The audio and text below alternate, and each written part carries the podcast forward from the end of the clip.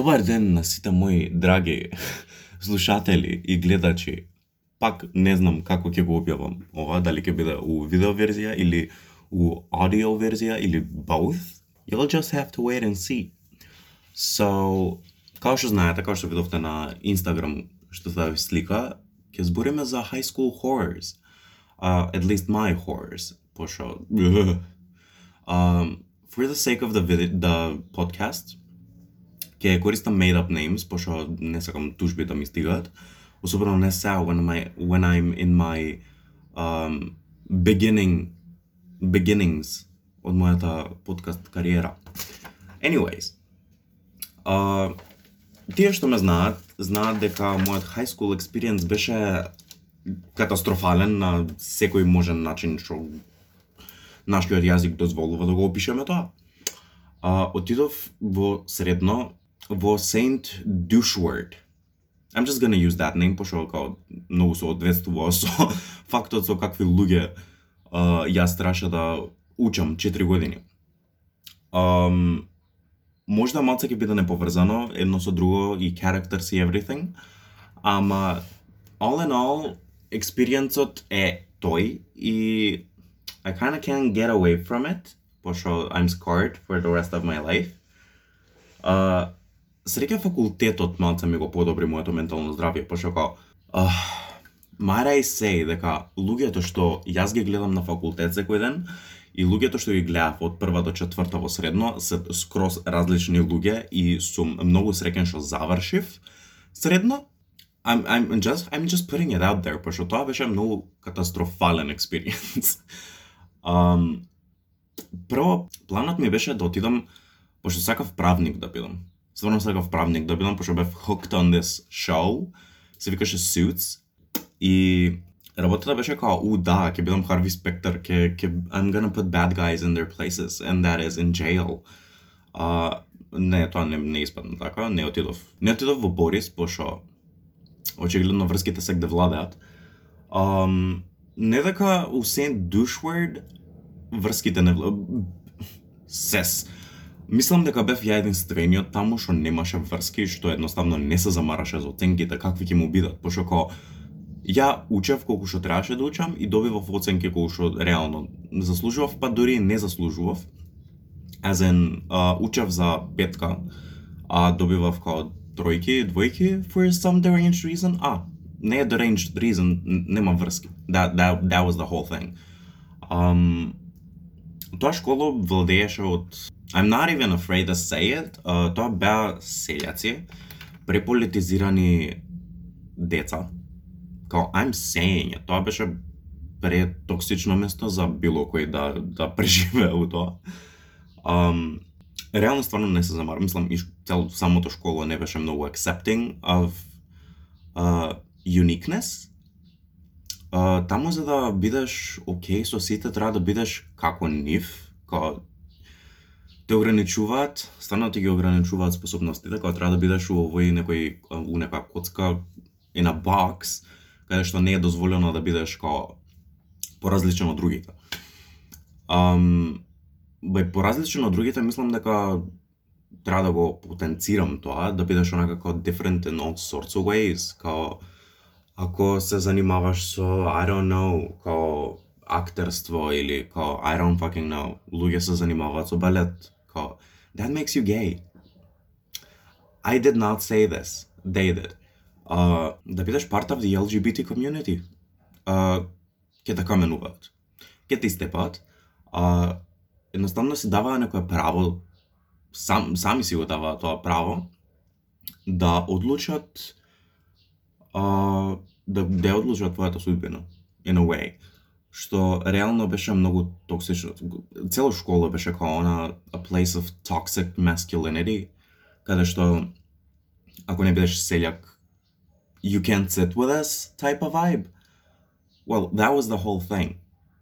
Um, не можев да се пронајдам у цела таа околина. It was chaotic. Имав a lot of encounters so mostly everyone. Um, работата е што проблемот со среднива е тоа што као професорите, педагозите, директорите actually don't give a shit за твојот mental being и како се справуваш ти со проблеми.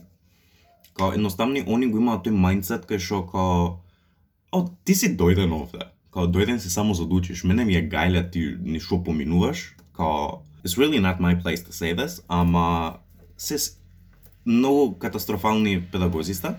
First of all, вашата работа како професор слаш педагог е на најниското ниво што може некој да го постави.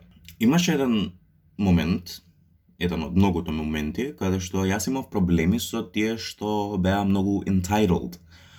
А, сите ги знаем. We've we've all been there, we've all done that, I mean, felt that, пошто ако сте луѓе како мене, што реално оценките не се некое мерило за знаење и за колку ти работи тебе мозокот, we've all been there со тие, да ги кажам, а, бубалици, што не се actually бубалици, they go just by the book, they don't go by the brain. Um, и секојаш као, која да се деси нешто лошо, као ако одличниот ученик под наводници се пожали од нешто, you best believe дека него ќе му верува, а тебе не, пошто ти немаш петки. Ти не си добра личност, очигледно, пошто као, не, не знам зашо се водиме според тој систем, као, оценките не ти го мерат знаењето и не ти го мерат common sense-от.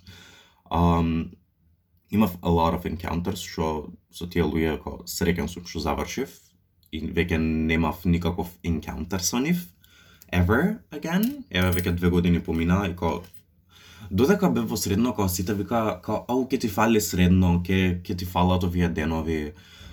Еве веќе втора година на факултет сум, I don't miss a damn thing about it. Пошо, first of all, да ми фали нешто, треба јас да се осеќав убаво у тоа место.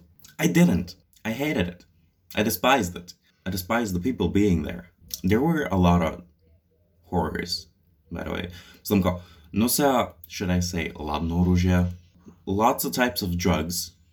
Can't forget that. Имаше многу проблеми. Имаше многу проблеми што едноставно школата одлучи дека не сакаат да преземат ништо уврска со тоа.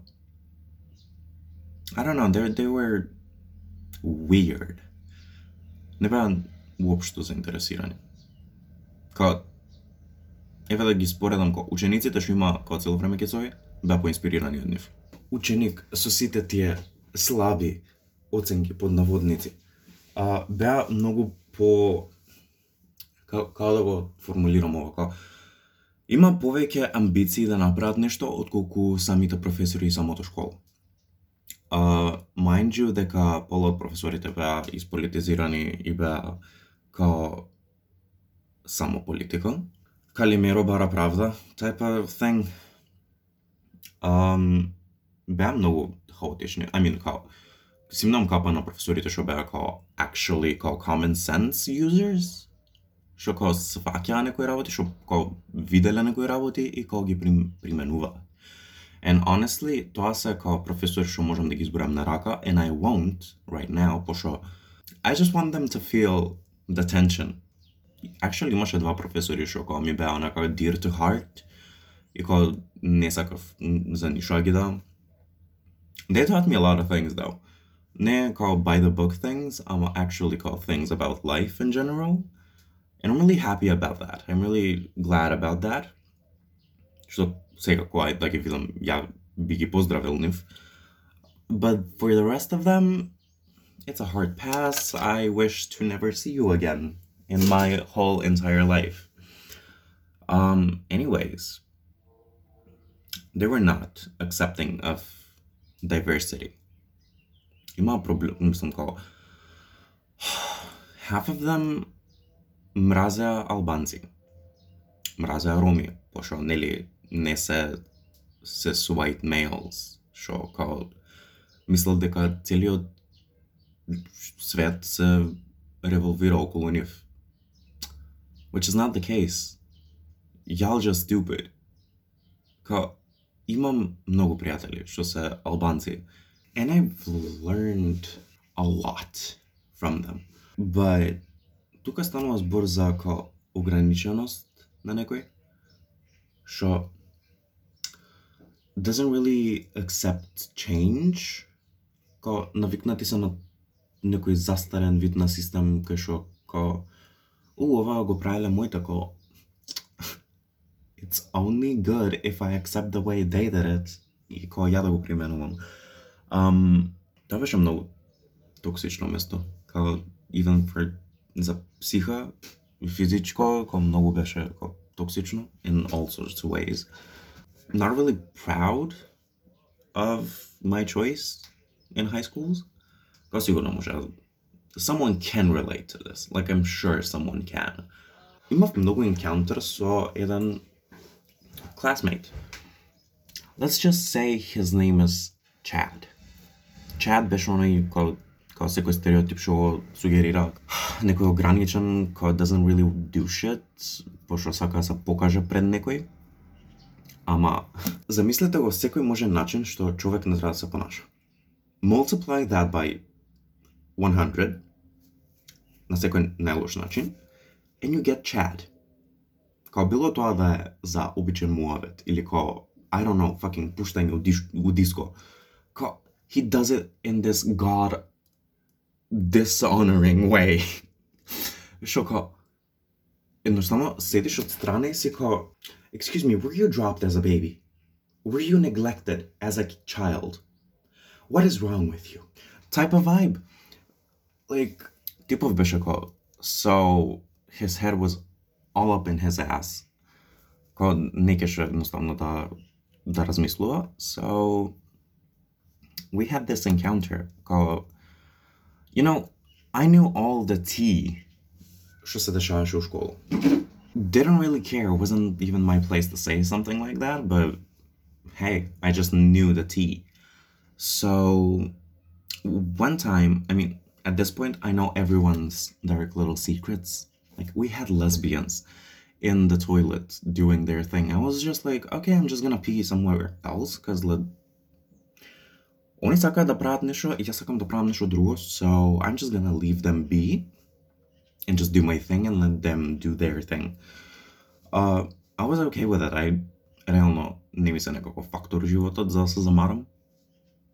Целото школа не беше фактор у животот. Um, and I just like, you know, move on. Скрос нема за сега што прават. Um, there was this one time на класен, мислам дека беше класен час ја. Ка тука се дешаваат многу работи, као сите пиштат, вриштат, се дерат и као не знам што беше работа. Um, чајат се избацува со као, абе, перо убаво тие која ти го I'm just like, а тебе убаво тие која си го депилираш, um, you know, местото кај што ти излагаат фекални материи? Because at this point, I was done with him. I was done with his shit. Um, и тука драма се деси, као сите у клас беа као, уу, драма. I was all about drama. Као, I live for that, but if you come for me, you best believe дека имам доволно факти и аргументи за да те уништам. So that's why please don't play with me, cause you know, со некој што има многу повеќе мозочни клетки од тебе, као you best believe дека не треба да се заебаваш. Особено ако твојот brain, brain cell count е 3. Тоа е премногу. Една, еден brain cell in all those four years. So, I really don't want to be the one што ко си го буста егото и ко вика ко, о, јас сум најпаметен од сите. No, bitch, I'm not even saying that. I, никад у мојот живот не сум кажал дека јас сум попаметен од било кој. They just make assumptions about me. I just stay quiet. You know, оној делот од Ники Минаж песна I just sit back and observe. Тоа беше мојот живот кога 4 години. I just sit back and observe. Јас само као седам, анализирам, I'm storing it in my brain for later usage. Uh, и као никад не сум пикнал fight, прв. I'm not actually као picking fights, I'm just defending myself. Од obvious reasons, пошто као people people are dumb. I'm not classifying every every single person, but people are dumb. И тука е работата кај што Chad took it upon himself. Сака да ме мавне. I'm like, oh boy, oh boy. Дали си сигурен дека тоа сакаш да направиш? I'm not saying I'm a fighter, but first of all, I destroyed you with a sentence. I destroyed you in a fucking sentence. Uh, apparently you can't do that, пошто ако немаш доволно вокабулар у твојот мозок и немаш доволно мозочни клетки да сврзи една цела реченица што е составена од аргументи и факти. And solid grounds на кои што ти се базираш. You're just dumb. Кога секој fucking викенд, мислам, почеток на недела, муаветот на, на сите тоа Усен Дюшворд беа као, абе брат, не знаеш што направив бе, е, се направив лом. Као, seriously? Тоа ти е као saved phrase у мозокот, само тоа можеш да го кажеш. Као, yeah, okay, you've been doing the nasties with someone. Ама, I don't think дека тоа е информација која што сите сакаат да ја знаат за тебе, освен ако ти сакаш да си го бусташ егото и да бидеш као, абе, да, бе, знаеш колку имам ја легнато. И на крај ти ја кажуваш таа личност, ам, ќе оцензурирам само тоа, пошто као, а не, еве, ќе кажеме проститутка. Ама на повулгарен начин, пошто као не треба да питувам на подкастов, I'm just gonna have to censor that. In the long run, ти ако си легнал толку луѓе, мислам дека они тебе те легнале пошто одлучиле дека те или жал им паднало. Uh, so guess who's the prostitute now? My bad, a sexual worker. Except you weren't working, you were doing it for free. Или од жал на личноста што те легнало. Anyways, um, ја повеќе би се залагал, мислам, шта се мене тиче. Uh, мислам дека средниот век не се толку ко едноставно не се замарат. with anything they're doing. Ка луѓе носат оружја, yeah, no, nobody gives a shit. Луѓе се другираат, yeah, nobody gives a shit. Као може ќе ви даеме укор, ама ка I don't know. I felt cute. Might give you a укор later. I don't know. Coming from that place at that time, uh, I wasn't happy. I was kind of depressed though. А, многу долг период бев со црни мисли, со really awful period of my life. Се дронедов на факултет, obviously. А, ама работата е што ко има тука некоја стигма и некој стереотип кај што сите мислат дека одличните студенти под наводници а, се најпаметните од целиот клас или од цела генерација which I beg to differ, пошто реално learning by the book is not the same by learning with your head. Као, да, ја можам да научам 15 дефиниции на памет, ама ко use your brain a little. Like, стварно оценките не се никакво мерило за freaking being a decent human being which is always the case u srednji i u školi u bilo kada kao stvarno ne moraš da imaš da ti sasita petki ili fucking desetke za ti da budeš kao a normal human being a decent human being in the matter of fact. Pošto kao let's take an evo na primer ja. Kao stvarno ne mi baš agajla za ocenke. Имав тројки, имав четврки, имав петки. I, I really didn't care. Кој стварно не ме беше гајда. Ама, кога и да се десеше, десеше нешто лошо, Као прво ќе опрашат одличен ученик и после одличниот ученик доаѓаат сите останати. Као ние не сме битните да. and she is because that's a miscalculation and all the mathematicians beg to differ или all the great minds all the great, great minds would differ не е фер едноставно пошто средните се она место каде што веќе ученик создрава, goes into adulthood, кој треба многу поише да се инволвирани со ко животот на студентите, not private lives.